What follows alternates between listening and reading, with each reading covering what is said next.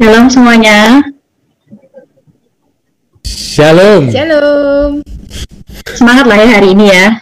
Puji Tuhan tadi tuh kayak uh, internetnya tuh kurang lancar tapi ya puji Tuhan buat teman-teman yang udah selalu kayak support dalam pelayanan juga. Sekarang puji Tuhan lancar dan berdoa supaya nanti ke depan semuanya juga internet lancar jadi sama-sama bisa uh, mendengarkan setiap sharing dengan baik. Uh, hari ini kayak saya membagikan sharing tentang uh, love of family. Kayak dikasih uh, tema untuk bulan ini tentang keluarga. Nah ini saya uh, banyak ambil uh, uh, sharing hari ini dari firmannya Kopilip dua minggu belakangan ini ya guys. Jadi kayak ada kan ada uh, service online. Nah itu Kopilip membagikan tentang keluarga. Nah, ada beberapa hal yang saya dapat kayak gitu ya. Nah, jadi uh, sebelumnya saya mau sharing sebentar gitu kan. Nah, sebenarnya saya tuh benar-benar kayak bersyukur gitu ya. Saya tuh uh, punya kayak pas itu kok pilih ngomong juga gitu loh. Setiap keluarga tuh pasti punya berkat masing-masing. Jadi kita tuh harus uh, kita tuh patut untuk bersyukur berada dalam setiap keluarga kita. Tuhan itu tidak pernah salah meletakkan kita dalam keluarga tersebut gitu loh. Karena Tuhan punya rencana dan Tuhan punya berkat atas setiap keluarga kita. Nah, dari kayak kata-kata Kopilip, ini, saya tuh benar-benar bersyukur gitu ya. Karena adanya pandemi ini, justru saya dan keluarga saya tuh bisa berkumpul bersama. Nah, saya ini kan tiga bersaudara. Saya punya dua adik. Adik saya yang pertama memang stay di Surabaya, adik saya yang kedua itu stay-nya harusnya di Jogja. Tapi karena pandemi, terus juga karena pekerjaan yang nggak bisa dilanjutkan karena pandemi juga ya jadinya dia itu sekarang stay di Surabaya gitu loh. Jadi dengan adanya hal ini saya justru sangat bersyukur gitu ya. Kita sama-sama bisa berkumpul berlima kita sama-sama bisa lebih akrab lagi gitu. Kalau misalkan nggak ada pandemi justru mungkin ya saya nggak bisa kumpul bersama adik saya yang kecil ini karena dia kan sekarang harusnya stay-nya di Jogja gitu sih. Nah terus uh, saya juga banyak belajar dari uh, firman yang telah dibawakan Ko Philip juga dari dua minggu belakangan ini kita baca dulu ya sama-sama uh, di kejadian 4 pasal 1 sampai kedua. Kita baca kejadian 4 pasal 1. Kemudian manusia itu bersetubuh dengan Hawa istrinya dan mengandunglah perempuan itu, lalu melahirkan Kain. Maka kata perempuan itu, aku telah mendapat seorang anak laki-laki dengan pertolongan Tuhan. Nah, Keluarga pertama di dalam Alkitab adalah keluarga Adam. Nah, di ayat yang pertama ini tuh uh, terjadi setelah kejadian pasal yang ketiga manusia jatuh dalam dosa. Nah, eh, kita bisa lihat juga ya teman-teman bahwa dari kejad uh, ayat pertama sampai nanti ayat yang kedua lima tuh Adam itu nggak muncul lagi gitu loh. Jadi kayak uh, mungkin kita bisa bertanya Adam ini di mana? Adam ini sibuk apa kayak gitu. Nah, dengan adanya uh, manusia jatuh, uh, Adam ini jatuh dalam dosa. Uh, jadi kayak uh, ada doktrin gitu ya bahwa kalau para pria ini tuh lebih cenderung kayak memikirkan tentang kerja dan kerja dan lebih ke arah kayak memikirkan tentang uh, sebagai makhluk sperma saja kayak gitu loh. Jadi lebih berpikir tentang untuk mencari nafkah. Nah, kebanyakan para pria itu berpikir seperti itu nggak memikirkan bagaimana ada waktu untuk keluarga, tidak memikirkan bagaimana ada waktu untuk mengasihi anak-anaknya, tapi hanya berpikir untuk mencari uang aja. Pikirnya kalau misalkan mencari uang dan mencari nafkah udah cukup ya udah gitu. Yang penting keluarga gue tercukupi, is okay. Semua everything is okay gitu. Nah, ini saya juga mau sedikit sharing gitu ya. Ini saya uh, sekarang hari ini tuh lebih banyak sharing-sharing apa yang saya alami dalam keluarga saya gitu. Nah, saya memang belum menikah ya, tapi saya ini lebih banyak belajar dari papa mama saya juga. Nah, papa saya ini juga cenderung orang yang workaholic. Terus orangnya tuh sangat kaku dan pendiam. Dia itu kalau misalkan uh, beliau kalau misalkan nggak nggak diajak ngomong, itu juga nggak bakal ngomong kayak gitu kan. Nah, saya ini juga nurun papa sih sebenarnya. Jadi kan ya agak pendiam nurun sama papa gitu ya. Jangan sampai nurun tetangga gitu kan. Nah, terus uh, workaholic terus papa saya ini juga jarang mau mengajak berkomunikasi antara saya, adik-adik saya dan mama saya gitu. Pokoknya papa saya intinya itu cuma menyiapkan uang untuk SPP lah intinya gitu kan. Dulu saya ini kan keluarga uh, asalnya dari Jogja. Jadi waktu kecil dari sejak lahir terus sampai SMA saya di Jogja. Nah, itu kalau misalkan sama papa itu rasanya takut gitu mau deket. Soalnya kan papa juga orangnya agak uh, dingin ya orangnya. Terus kalau diajak ngobrol itu kurang bisa komunikatif. Jadi waktu itu kami berpikir ya sudah yang penting papa bisa mencari uang ya kita it's okay. Waktu itu juga saya juga belum terlalu ya dalam ya saya terlalu dalam keluarga Kristen, tapi nggak belum sampai benar-benar uh, mengenal Tuhan terus habis itu benar-benar mau pelayanan kayak gitu ya jadi ya waktu itu Kristen Kristen biasa ke gereja gereja biasa dan nggak mendapatkan hal sesuatu yang lebih gitu dalam gereja nah terus uh, saya juga belajar dari kapan hari ada cuplikan gitu ya dari Kofuji juga uh, bahwa setiap keluarga itu uh, perlu kasih gitu. Kasih adalah pilihan. Love is a choice. Jadi kita baca dulu firmannya di Yohanes uh, pasal 15 ayat yang ke-12 Nah, mungkin ini bisa minta tolong dibacakan kisah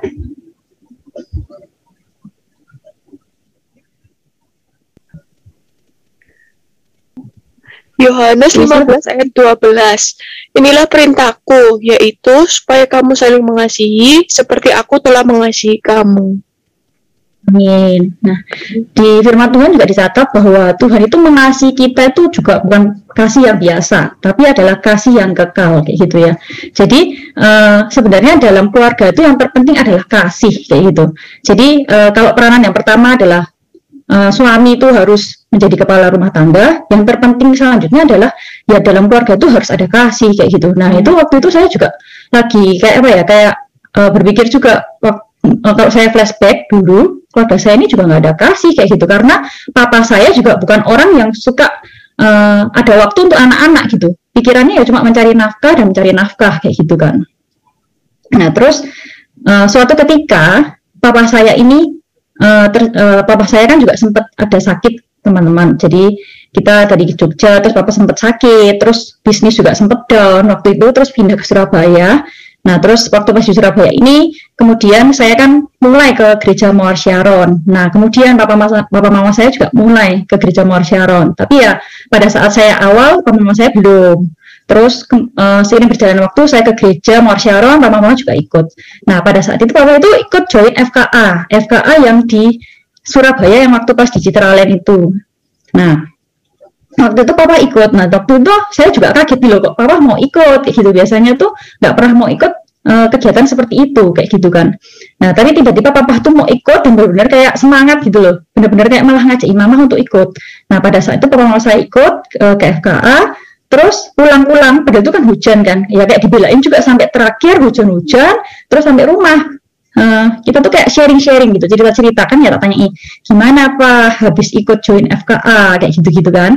Nah terus papa tuh yang ngomong wah luar biasa ya. Maksudnya eh, nggak uh, gampang bisa mengadakan event sampai besar seperti itu. Benar-benar luar biasa kayak gitu. Waktu itu papa tuh ngomong kalau ada sesuatu yang beda gitu loh dalam gereja ini. Kayak papa tuh merasakan ada kasih Tuhan tuh yang menjamah papa kayak gitu kan terus habis itu semenjak itu tuh papa tuh kayak lebih hatinya tuh dilembutkan kayak gitu loh Nah, tapi ya sudah kayak uh, perilakunya tetap biasa ya. Maksudnya belum terlalu mau meluangkan waktu untuk kami, tetap masih fokusnya tentang bekerja. Nah, terus suatu ketika ya kami dulu ya, jadi kayak saya dan adik-adik saya yang memulai gitu ya. Kami yang berusaha untuk mengasihi papa kami kayak gitu. Jadi kami yang berusaha untuk melakukan hal-hal yang mungkin papa, papa kami ini sukai kayak gitu. Nah, terus uh, suatu ketika kita itu kayak kasih surprise papa gitu loh tengah malam jam 12 ulang tahun kita kasih surprise kita kasihin beliin kado buat papa gitu loh ternyata hal itu yang membuat papa tuh seneng gitu loh papa tuh sampai ngomong gini papi itu ya udah kayak dari kapanan itu lah maksudnya intinya itu ngomong dalam hati kapan yuk papi ini dikasih surprise? kayak gitu loh. Nah ternyata hal kecil yang simpel seperti ini tuh yang bisa mengubahkan kayak gitu loh. Jadi kayak bener-bener uh, bukan sesuatu yang mewah, bukan sesuatu yang besar, tapi sesuatu yang simpel yang harus kita ketahui gitu loh. Ya mungkin waktu itu zaman kita masih kecil ya kita belum terlalu care ya kali ya, terus ya mikir ya sudahlah apa-apa lah, apa bekerja kayak gitu. Tapi ya mungkin lama kelamaan karena saya juga semakin bertumbuh dalam Tuhan, saya juga sudah tertanam dalam gereja Mawar Sharon, ya saya belajar untuk lebih bisa mengasihi gitu loh percaya bahwa ketika kita ini mau melakukan orang tua juga akan lihat hasilnya kayak gitu kan jadi mulai dari itu kita sama-sama membangun. Jadi kasih ini dilakukan dengan uh, pilihan ya disengaja. Berarti sama-sama kayak bukan saya saja tapi papa saya juga. Terus ya sama-sama belajar untuk saling mengerti. Ya berusaha ngajak ngobrol papa. Ya meskipun kadang-kadang masih kaku-kaku gitu tapi berusaha untuk ngajak ngobrol. Ya tetap perhatian sama papa ngajak dinner bersama. Terus sama-sama ya kita berdoa kayak gitu. Awalnya sih ya agak agak kaku ya karena papa ini orangnya juga uh, agak serem gitu ya. Ini ada saksi hidup di sini juga. Jadi kayak waktu zaman dulu si Frido ini masih eh, sama-sama kita masih di Jogja. Frido kan sering main tuh ke rumah Jogja juga waktu itu. Itu kok sama papa waduh dia pasti takut banget kayak gitu. Tapi ya kalau sekarang udah akrab. Jadi kayak beda beda 180 derajat lah. Jadi uh, ya semua itu ya juga karena Tuhan gitu ya. Tuhan yang jama Tuhan yang lembutkan ya karena Papa juga mengalami perjumpaan pribadi ya mengalami menemukan kasih Tuhan dalam FKA tadi. Jadi ya sama-sama kita uh, saling mengerti ya yang tadi Kak Yuna bilang juga dalam keluarga kita juga harus apa adanya gitu kan. Jadi ya kita harus mengerti juga apa yang Papa suka berusaha untuk memberi yang terbaik dan sama-sama membangun hubungan ini dengan baik. Jadi nggak cuma satu sisi tapi dua sisi juga gitu loh. Dengan adanya hal itu lama kelamaan hubungan kami semakin baik. Puji Tuhan sekarang itu Papa juga udah lumayan nggak nggak diam gitu loh. Malah agak cerewet dan maksudnya tuh ini ya rada mustahil sih guys kapan hari itu pernah saya kan video call sama teman baik saya teman baik saya ini punya anak nah saya ini memang dekat banget sama dia terus kita tuh video callan nah saya suka banget ngeliatin anaknya karena anaknya tuh lucu banget gitu kan nah lagi ngobrol-ngobrol video call saya kan video call di atas gitu ya, papa lagi mau makan di tempat itu juga, papa saya udah bisa bilang, halo, halo gitu. Padahal itu kalau kayak gitu tuh bukan papa saya banget kayak gitu loh. Papa saya tuh kalau misalkan nggak ada nggak disapa atau nggak diajak ngobrol, ngajak ngomong dia tuh bukan orang yang kayak gitu gitu loh. Tapi sekarang tuh bisa berusaha untuk nyapa orang terus ngajak ngobrol orang tuh bisa gitu loh. Tapi ya semua itu juga butuh proses ya guys. Jadi ya saya bersyukur kalau misalkan semakin hari hubungan kami semakin baik karena kan saya percaya bahwa semua ini juga dasarnya dari kasih. Karena kasih ini adalah pilihan. Love is a choice. Jadi sama-sama kita belajar untuk lebih lagi mengasihi lebih lagi uh, mengasihi uh, orang tua kita meskipun ya kita nggak tahu ya apa ke depannya gimana, apa tindakan yang harus dilakukan ya kita belajar aja hal-hal kecil, hal-hal simpel lakukanlah. Uh, terus kayak ya kita harus belajar dari teladan Tuhan Yesus dalam keluarga. Nah, untuk saling mengasihi keluarga kita, mengasihi papa mama kita, adik kakak kita gitu ya. Jangan sampai dalam keluarga itu ada kekecewaan dan kepahitan. Karena kekecewaan dan kepahitan ini yang akan menimbulkan putusnya komunikasi, putusnya hubungan yang nggak baik gitu ya. Maksudnya kalau misalkan ada kekecewaan dan kepahitan dalam keluarga ya keluarga juga pasti nggak akan harmonis dan ya rasanya juga pasti nggak akan betah ya tinggal di rumah karena kan merasa wah kok papa kayak gini atau mama kayak gini atau mungkin adik atau kakak kayak gini gitu. Jadi ya sama-sama kita harus belajar dan mungkin kalau misalkan uh, kalau contoh kalau papa saya ini kan juga orangnya agak pendiam ya. Tapi hmm, puji Tuhan kayak kita semua ini ya support gitu. Kita nggak pernah meninggalkan.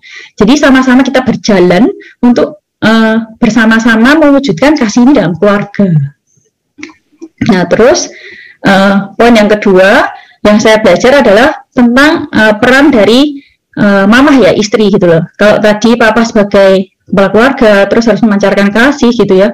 Yang kedua itu saya belajar adalah istri itu harus menjadi penolong dan tunduk kepada suami. Nah ini eh, kita baca dulu di kejadian pasal yang keempat ayat yang ke satu. Ini saya bacakan saja. Kemudian manusia itu bersetubuh dengan Hawa, istrinya, dan mengandunglah perempuan itu, lalu melahirkan Kain. Maka kata perempuan itu, aku telah mendapat seorang anak laki-laki dengan pertolongan Tuhan. Nah, kita bisa lihat bahwa perempuan itu berkata dan percaya kepada Tuhan. Jadi kayak, eh, maka perempuan itu berkata, aku telah mendapat seorang laki-laki, uh, anak laki-laki dengan pertolongan Tuhan. Eh, kata-kata ini tuh uh, mengandung makna bahwa kalau perempuan ini tuh percaya kepada Tuhan gitu. Kebanyakan perempuan ini memang lebih rohani daripada para laki-laki. Ya tapi saya nggak uh, tidak menjudge ya guys. Saya percaya bahwa laki-laki di tempat ini adalah laki-laki yang luar biasa, yang takut akan Tuhan, pria-pria yang luar biasa ya. Uh, dan da dari kejadian ini tuh kayak wanita tuh jadi lebih dominan daripada pria kayak gitu kan. Jadi uh, seharusnya tuh uh, ada dua spiritual authority gitu loh papa dan mama, nggak cuma papa atau mama aja kayak gitu. Nah, terus uh, ada kayak kata-kata yang bagus juga kan guys. Maksudnya di balik setiap laki-laki yang sukses itu pasti ada wanita yang kuat gitu. Ada penopang, ada penolong yang setia yang selalu uh, melengkapi, yang selalu melayani dan selalu mendampingi. Nah, terus uh, saya itu juga belajar gitu ya. Uh, kita baca dulu aja dari ayat Efesus pasal yang kelima, ayat yang ke-22.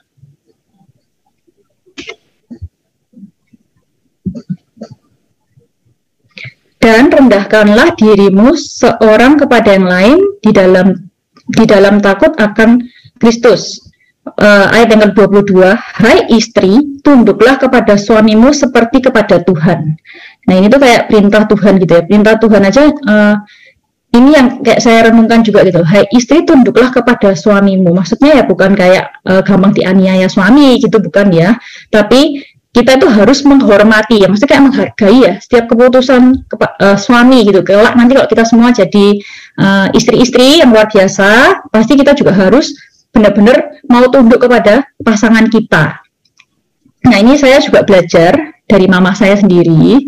Uh, mama saya ini benar-benar luar biasa sih. Kalau jujur kalau saya sama papa saya memang nggak terlalu dekat, tapi kalau sama mama saya tuh dekat banget.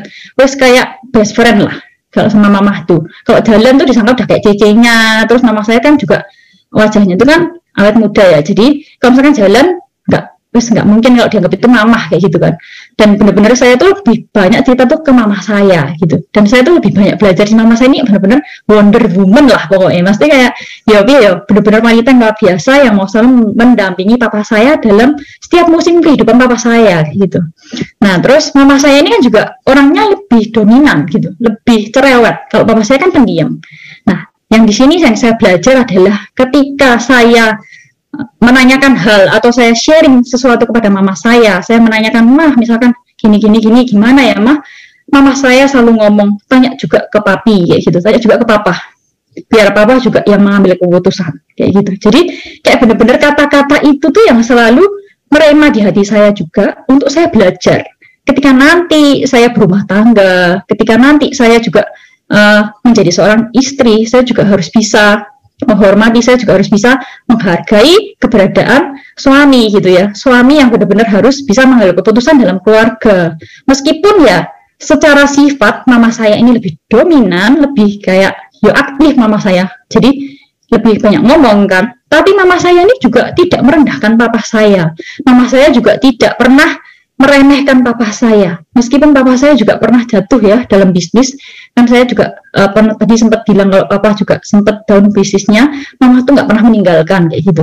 Jadi benar-benar saya tuh banyak sekali belajar ya itulah harus fungsinya uh, mam uh, istri itu harus benar gitu ya di hadapan Tuhan. Kalau misalkan benar-benar uh, mau menjadi seorang istri itu juga nggak mudah harus selalu mendampingi, harus selalu benar-benar menjadi penolong, bukan menjadi malah penuntut gitu ya. Bukan malah menjadi yang malah mikir oh kamu kok kayak gini? Kamu kok kayak gini? Malah cerewet banget gitu enggak. Tapi benar-benar selalu mengayomi juga. Jadi kayak benar-benar saya tuh banyak sekali belajar dari mama saya. Terus mama saya ini guys itu nggak bisa masak.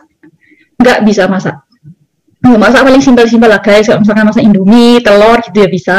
Nasi goreng ya bisa Nah saya ini juga nurun sih, tapi ya saya udah selalu kayak ngomong sih sama Frido, kalau saya nggak bisa masak gitu kan. Nah, terus kayak um, mama saya ini kan nggak bisa masak. Nah, tapi yang saya belajar juga, meski mama saya ini nggak bisa masak, tapi mama saya ini selalu mau beri yang terbaik buat papa saya. Mama saya selalu mau melayani papa saya. Jadi meskipun nggak bisa masak ya, yang beliin makanan gitu, beliin makanan, nyiapin makanan tepat waktu gitu, dan selalu kayak mau melayani papa saya. Jadi papa saya ini juga merasa bahwa oh mama saya ini tuh juga berusaha loh memberi yang terbaik di dalam setiap keterbatasannya, di dalam setiap ketidakmampuannya dia, dia tidak bisa masak, tapi ternyata dia tetap memberi yang terbaik. Ter tapi ternyata dia tetap melayani aku kayak gitu. Jadi benar-benar so wow sih, saya bersyukur punya mama yang luar biasa, yang bisa uh, menjadikan uh, saya sebagai contoh untuk saya nanti kelak menjadi seorang istri gitu. Uh, memang sih kalau uh, kita bilang kalau misalkan teori itu gampang, praktek itu susah ya guys. Jadi saya juga nggak tahu nanti kalau ke depan gimana. Tapi percayalah ketika kita ini punya iman kepada Tuhan, kita uh, punya Tuhan dalam kehidupan kita, kita juga nggak akan apa ya nggak akan menyimpang ke kanan dan ke kiri jadi kita tahu peranan kita masing-masing nanti nah terus yang ketiga ini peranan anak-anak gitu saya tuh belajar bahwa anak-anak tuh juga harus menghormati mengasihi orang tua. Gak cuma kayak peranan papa aja jadi kepala rumah tangga. Mama aja menjadi penolong papa kayak gitu kan menjadi penolong dan uh, membesarkan merawat anak-anak tapi yang ketiga ini juga perlu kayak gitu. Anak-anak tuh harus menghormati dan mengasihi orang tua. Kita baca dulu di Efesus pasal yang ke-6 ayat 1 sampai yang ketiga. Hmm, bisa minta tolong mungkin Clarissa. Hai Clarissa. Oh, kayaknya guys. Ya sudah, saya bacakan lagi aja. Efesus 6 ayat 1 sampai yang ketiga. Efesus 6 ayat 1. Hai anak-anak, taatilah orang tuamu di dalam Tuhan, karena haruslah demikian. Ayat yang kedua, hormatilah ayahmu dan ibumu. Ini adalah suatu perintah yang penting. Seperti yang nyata dari janji ini. Ayat yang ketiga, supaya kamu berbahagia dan panjang umurmu di bumi. Uh, di sini tuh saya juga belajar banyak sekali gitu ya hormatilah ayah ibumu, kasihilah ayah ibumu, gitu. Kadang-kadang orang tua tuh juga bisa menjengkelkan. Jadi kayak misalkan mungkin kita pengen sesuatu nih, kita juga pengen A atau mungkin kita pengen B gitu. Oh ya contohnya gini aja, misalkan kalau misalkan belum corona gitu, kita pengen pergi liburan sama teman atau mungkin kita pengen uh, pergi ke mana gitu ya sama teman-teman. Tapi sometimes orang tua tuh mungkin uh, melarang gitu ya. Jangan udah nggak usah. Mungkin lagi musim hujan, jangan khawatir bla bla bla. Nah, itu nanti kadang-kadang ya kita mungkin agak jengkel atau gimana kayak gitu ya. Merasa bahwa kok mama papa kok malah melarang kayak gini-gini kayak gitu. Tapi percayalah bahwa papa mama itu juga punya rencana eh punya apa ya? Punya uh, maksud, punya maksud dan tujuan yang baik buat tiap anak-anaknya. Papa mama itu juga pasti punya uh, pengen pengen setiap anak-anaknya tuh yang terbaik pengen setiap anak-anaknya itu menjadi bahagia setiap anak-anaknya tuh juga nggak kenapa-kenapa kayak gitu setiap orang tua tuh nggak ada yang sempurna pasti mereka itu ingin yang terbaik untuk setiap kita gitu bahkan mereka juga pasti rela berkorban untuk memberikan setiap kebahagiaan mereka tuh untuk setiap anak-anak ini gitu saya tuh juga sering mengamati ya teman-teman uh, untuk teman-teman saya yang udah merit gitu. Misal kalau misalkan dia lagi mau ulang tahun, kayak teman dekat saya gitu kan udah merit. Saya sempat tanya gitu loh. Uh, misalkan namanya A. Hai A, gitu kamu mau ulang tahun ya kayak kita nih ya wis deket banget ya. Jadi kayak misalkan pengen apa tuh kayak ya ngomong aja gitu loh daripada bingung mau ngasih kado apa. kayak nggak surprise banget sih tapi ya kita wis saking akrabnya. Jadi kalau misalkan beli barang kalau nggak dipakai kan sayang. Jadi kayak saya tanya mungkin, Hai A, kamu lagi mau kan lagi uh, pengen apa kayak gitu ya dia tuh jawabnya kayak gini aku nggak pengen apa-apa ceh semua tuh kalau misalnya udah punya anak tuh yang penting buat anak tuh jawab kayak gitu.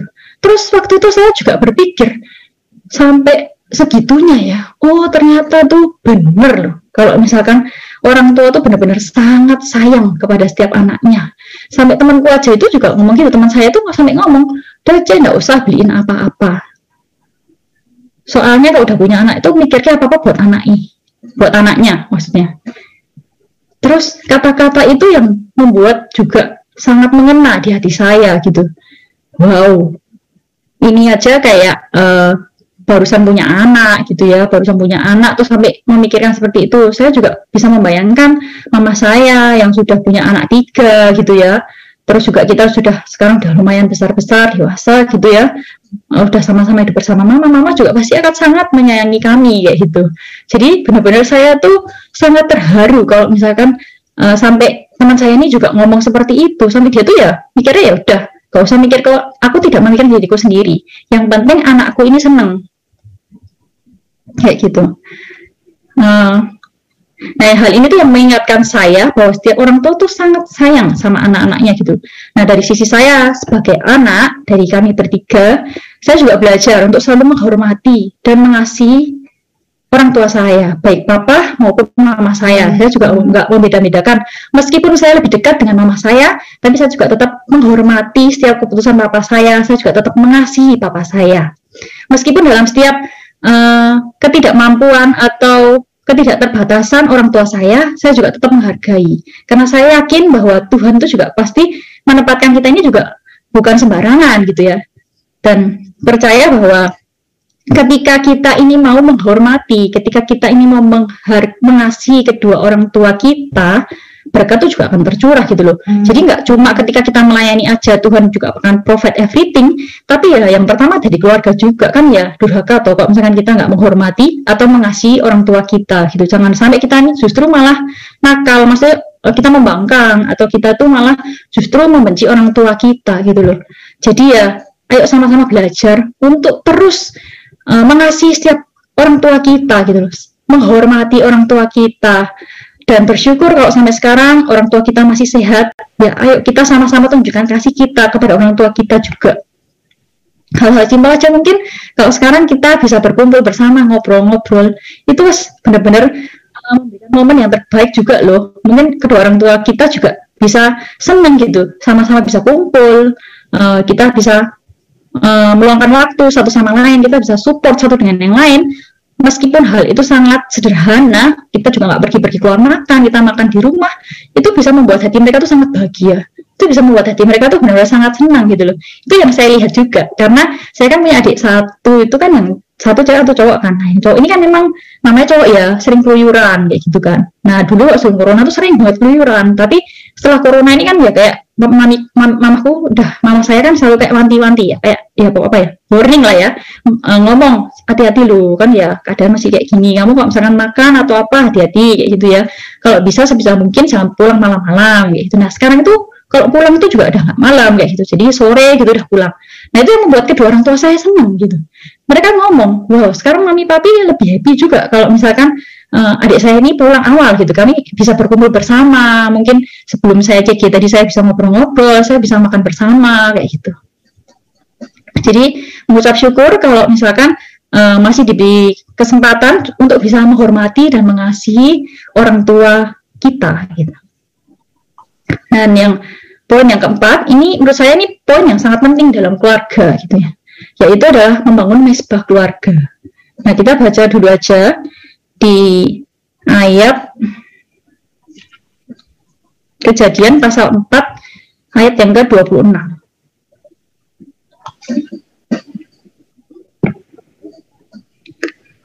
Lahirlah seorang anak laki-laki bagi Set juga dan anak itu dinamainya Enos. Waktu itulah orang mulai memanggil nama Tuhan. Nah, ini kayak tadi ceritanya uh, di kejadian yang tadi awal 4 ayat yang pertama bahwa ada muncul hanya untuk bersetubuh, lalu nggak muncul lagi. Kemudian pada uh, ayat yang ke-26 ini, mulai semua orang itu memanggil Tuhan. Jadi mulailah adanya kebangunan rohani. Nah, kebangunan rohani ini kita juga perlu untuk mengusahakan, kita harus membangunnya dengan cara yang melakukan mesbah, gitu kan. Nah, kita baca satu ayat lagi untuk lebih meneguhkan, yaitu di Matius ayat yang ke-18, pas, eh, pasal 18, ayat 19 sampai 20.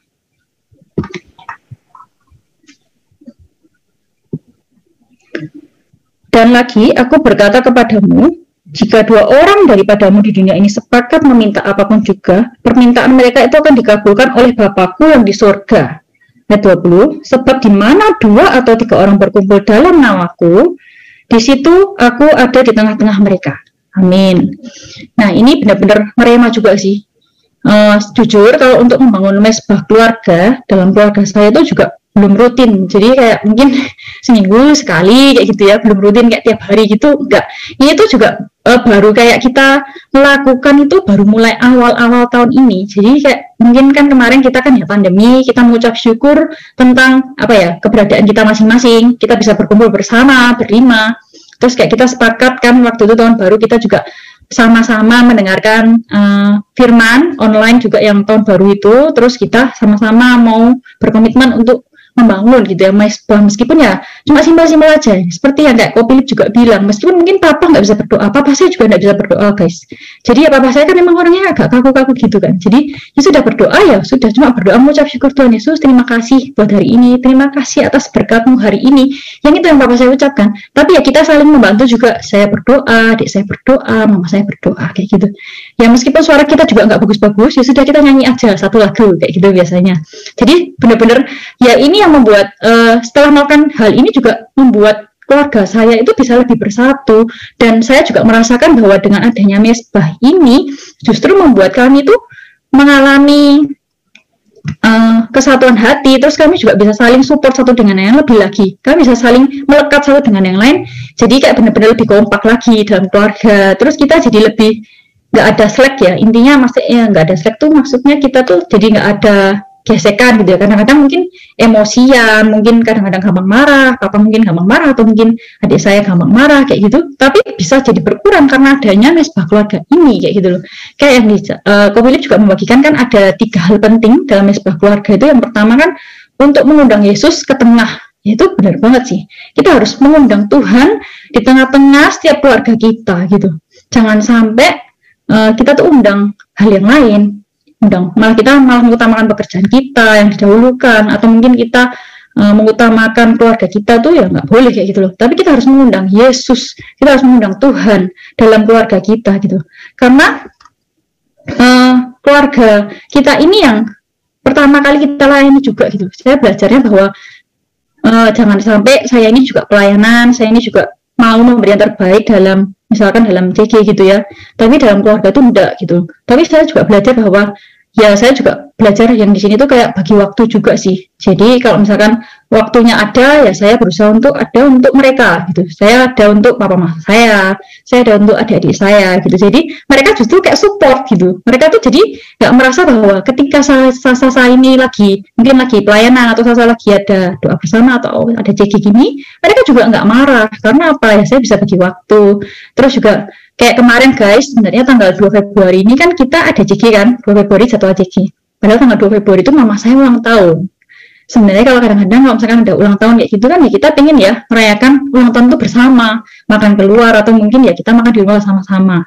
Nah tanggal 2 itu kan ada JG itu tuh juga pada saat itu JG perdana setelah nggak ada YouTube lagi loh. Jadi kayak yo pengen banget sih ya ikut JG tapi ya mama ulang tahun gimana ya? Nah mama saya tuh langsung ngomong gini dasar kamu kan CG kan? Udah CG aja nggak apa-apa nanti ngerayain nonton mama hari minggu wow jadi kayak bener-bener wah thank you ya mah maksudnya thank you ya mi. Aku manggil mami. Uh, thank you ya mi. Maksudnya mami mau ngerti kayak gitu loh. Terus ya karena ya mungkin dengan adanya ini juga ya kita membangun mesbah kita benar-benar uh, mengundang Tuhan dalam kehidupan keluarga kita dan ya mama nggak ada nggak kenapa kenapa mama nggak kecewa mama? Ya enjoy aja it's okay sih nggak apa-apa. Terus kita juga waktu itu habis uh, selesai uh, ulang tahun tanggal 2 itu juga tanggal hari minggunya kita rayakan juga. Ya udah kita dengan enjoy kita juga merayakan dengan happy. Malah nggak ada rasa kecewa ataupun rasa apa pun gitu. Jadi ya kayak bersyukur sih kalau misalkan keluarga itu sama-sama support keluarga itu sama-sama mendukung untuk kita lebih lagi bertumbuh dalam Tuhan. Terus yang kedua kan uh, membuka jalur komunikasi di antara anggota keluarga Ya ini juga yang kami rasakan. Karena ya awalnya kan juga kalau dulu komunikasi dengan papa susah ngobrolnya. Kalau sekarang lebih gampang. Kalau papa saya sekarang lebih gampang, uh, malah lebih suka ngelucu sih. Lebih kayak uh, gimana ya dulunya nggak suka ngobrol, sekarang ya lumayan kayak gitu kan. Itu ya semua karena kasih tadi terus juga kita membangun mesbah keluarga ini benar-benar mempengaruhi gitu. Terus yang ketiga mengikuti tuntunan firman. Nah ini juga yang terpenting sih. Jadi uh, biasanya kita juga saling kayak sharing. Mungkin kan papa mama saya juga sering kayak dengerin saat ada kopi Terus tiap minggu kan kita juga ibadah bersama ya. Kalau sekarang saya juga belum on site, jadi masih uh, online kayak gitu ya sama-sama. Kalau hari minggu kita ibadah online bersama. Itu benar-benar saling menguatkan juga sih. Kayak kemarin tuh kan ada pemilih di akhir juga berdoa untuk keluarga gitu ya. Kita sama-sama bergandengan tangan pada saat itu kayak semua kita itu berlima tuh nangis kayak gitu. Kayak benar-benar uh, bersyukur kalau sampai sekarang kita bisa berada di uh, tempat ini. Kalau misalkan sampai sekarang papa masih sehat mama masih sehat terus adik-adik saya juga masih diberkati Tuhan mereka juga masih sama-sama di sini kita sama-sama bisa sama-sama ibadah online itu benar-benar karena kasih karunia Tuhan gitu loh. Karena kalau bukan karena Tuhan juga nggak mungkin. Jadi kayak benar-benar waktu itu kita mengalami hadirat Tuhan yang sangat luar biasa gitu loh. Kayak benar-benar merasa bahwa Tuhan itu ada di rumah kita kayak gitu. Jadi benar-benar saya juga belajar bahwa semua itu uh, mesbah keluarga ini juga harus disengaja gitu loh. Jadi jangan sampai uh, salah satu itu ya maksudnya harus ada pencetusnya kayak gitu. Misalkan mungkin hari ini saya ngajak atau mungkin besok eh minggu depan gitu ya papa yang ngajak kayak gitu. Jadi kayak ya wis kita saling mengingatkan kayak gitu loh. Dan yang saya pelajari juga yang saya belajar adalah kalau mungkin di hari-hari ini teman-teman juga mungkin punya keluarga yang belum sungguh-sungguh dalam Tuhan. Kan kalian sekarang yang udah benar-benar sungguh-sungguh dalam Tuhan. Ya kalianlah pencetusnya kayak gitu loh. Kalianlah yang harus berjalan, kalianlah yang harus melakukan, kalianlah yang harus aktif kayak gitu. Itu pun yang saya lakukan ya. Memang saya dari kecil dari keluarga Kristen, saya juga uh, dari kecil udah benar-benar ke gereja, tapi kan belum benar-benar bertumbuh, belum benar-benar mengenal Tuhan lebih dalam lagi dan pelayanan gitu. Nah semenjak saya juga tertanam di gereja Mawar Sharon, terus saya juga uh, tertanam di dalam connect group gitu ya, itu benar-benar membuat hati saya itu lebih ya secure kepada Tuhan lebih benar-benar berharap kepada Tuhan saja fokusnya kepada Tuhan gitu. Jadi benar-benar mau juga menyebarkan apa yang saya dapat dalam connect group ini. Kasih kalian yang begitu luar biasa buat saya juga akan saya kasih gitu loh. Saya sebarkan juga ke keluarga saya gitu. Jadi benar-benar mengucap syukur kalau misalkan di hari-hari ini saya juga bisa berada dalam connect group ini. Thank you juga buat uh, Coach Joel, Giva yang benar-benar sungguh luar biasa, hmm. yang selalu support, yang selalu mendoakan kita semua guys, benar-benar mengucap syukur buat semuanya berada dalam gereja yang luar biasa, mau terus kayak uh, berikan firman demi firman untuk terus kita maju, terus untuk kita bertumbuh gitu loh. Kayak hal-hal ini tuh nggak gampang yang kita lakukan, hmm. tapi saya percaya ketika kita nih mau, Tuhan tuh juga akan uh, bantu gitu loh. Tuhan tuh juga nggak akan tinggal diam gitu dalam keluarga kita. Ya kita sama-sama belajar guys. Saya juga nggak apa ya nggak belum rutin melakukan misbah keluarga ini sama keluarga saya. Tapi ini udah ber, efek loh, maksudnya meskipun cuma seminggu sekali, tapi saya juga melihat gitu loh, ada kasih di tengah-tengah keluarga kami, ada benar-benar uh, perubahan yang terjadi lebih lagi ketika kita ini benar-benar mau mengundang Tuhan dalam keluarga kita kayak gitu. Jadi sama-sama yuk kita belajar untuk terus melayani di keluarga juga. Jangan sampai kita juga melupakannya, tapi sama-sama kita mau belajar. Kita uh, belajar juga peranan kita masing-masing baik yang sudah berkeluarga ataupun kita yang masih pasangan juga, saya pun juga belajar dengan pasangan saya untuk terus saling support, saling mengasihi, apa pun hmm, sekarang keadaan kita ya lakukanlah yang terbaik gitu dan lakukanlah sesuai peran masing-masing dan saling mengasihi saling support gitu guys thank you uh, sebelumnya ini ada tambahan sedikit sharing sedikit dari pasangan saya silahkan Wih, silakan Toko Frido. Mana ini? Mana ini? Duh. Halo. Yes. Dengar suaranya? Dengar. Dengar, dengar. Dengar ya. Ya kalau saya sih uh, dengar apa seorang keluarga ya. Kalau saya kan memang saya dari dulu juga sudah merantau sih dari SMA ya. SMA dari Jogja juga. Ya memang waktu aku keluar dari dari apa dari dari dari talenta tersebut ya aku sekolah terus ngekos gitu ya.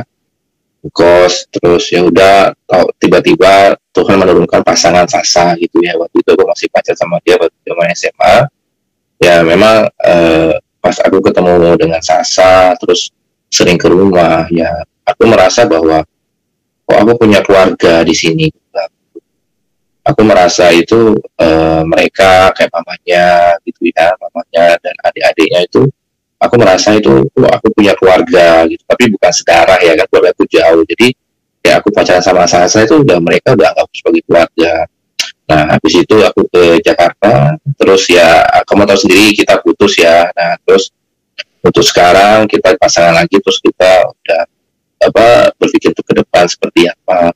Nah, kondisi saya untuk uh, berumah tangga ya kita sudah sudah belajar gitu loh saling kita juga udah kita uh, selalu kita selalu uh, siapin waktu sebelum tidur kita selalu berdoa sama Tuhan bersyukur apa yang terjadi entah itu plus atau minus ya negatif atau positif kita selalu bersyukur uh, uh, ketika mungkin misalnya kondisinya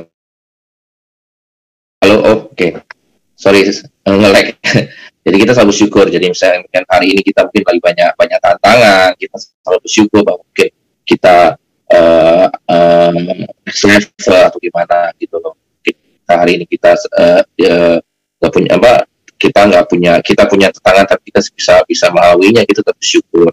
Nah dan aku juga kalau kita misalnya berhubungan uh, kita juga selalu uh, sering apa sering apa membicarakan tuh soal suatu kebaikan. Belum ya aku bicara soal kebaikannya. Sasa seperti apa? Uh, terus Sasa ngomongnya aku kebaikannya seperti apa?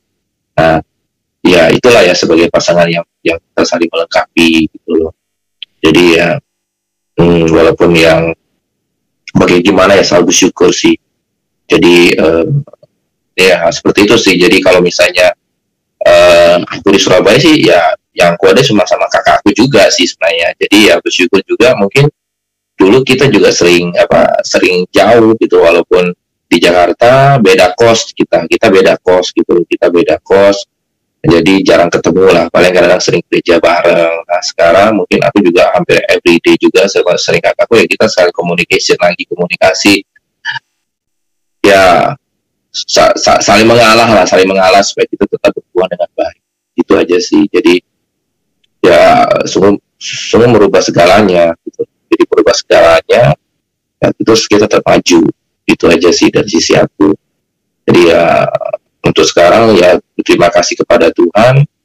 Uh, mungkin uh, mungkin uh, dulu ya kita seperti akunya seperti apa mungkin saksanya seperti apa kita saling saling apa memaafkan satu sama masing ya kita kita berubah gitu. Kita berubah menjadi lebih baik menjadi lebih lebih berwarna di pandangan Tuhan apa yang kita kurang apa yang kita perlu layani kepada Tuhan apa yang kurang gitu loh.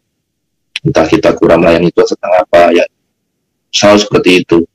Dan aku juga selalu kok maksudnya uh, ketika misalnya kadang susah tidur juga kadang-kadang udah doa susah itu ya aku bangun sering itu kadang-kadang udah denger YouTube gitu ketik YouTube firman seperti apa sampai ketiduran. Nah juga. Ya seperti itulah ya. Itu sih dari aku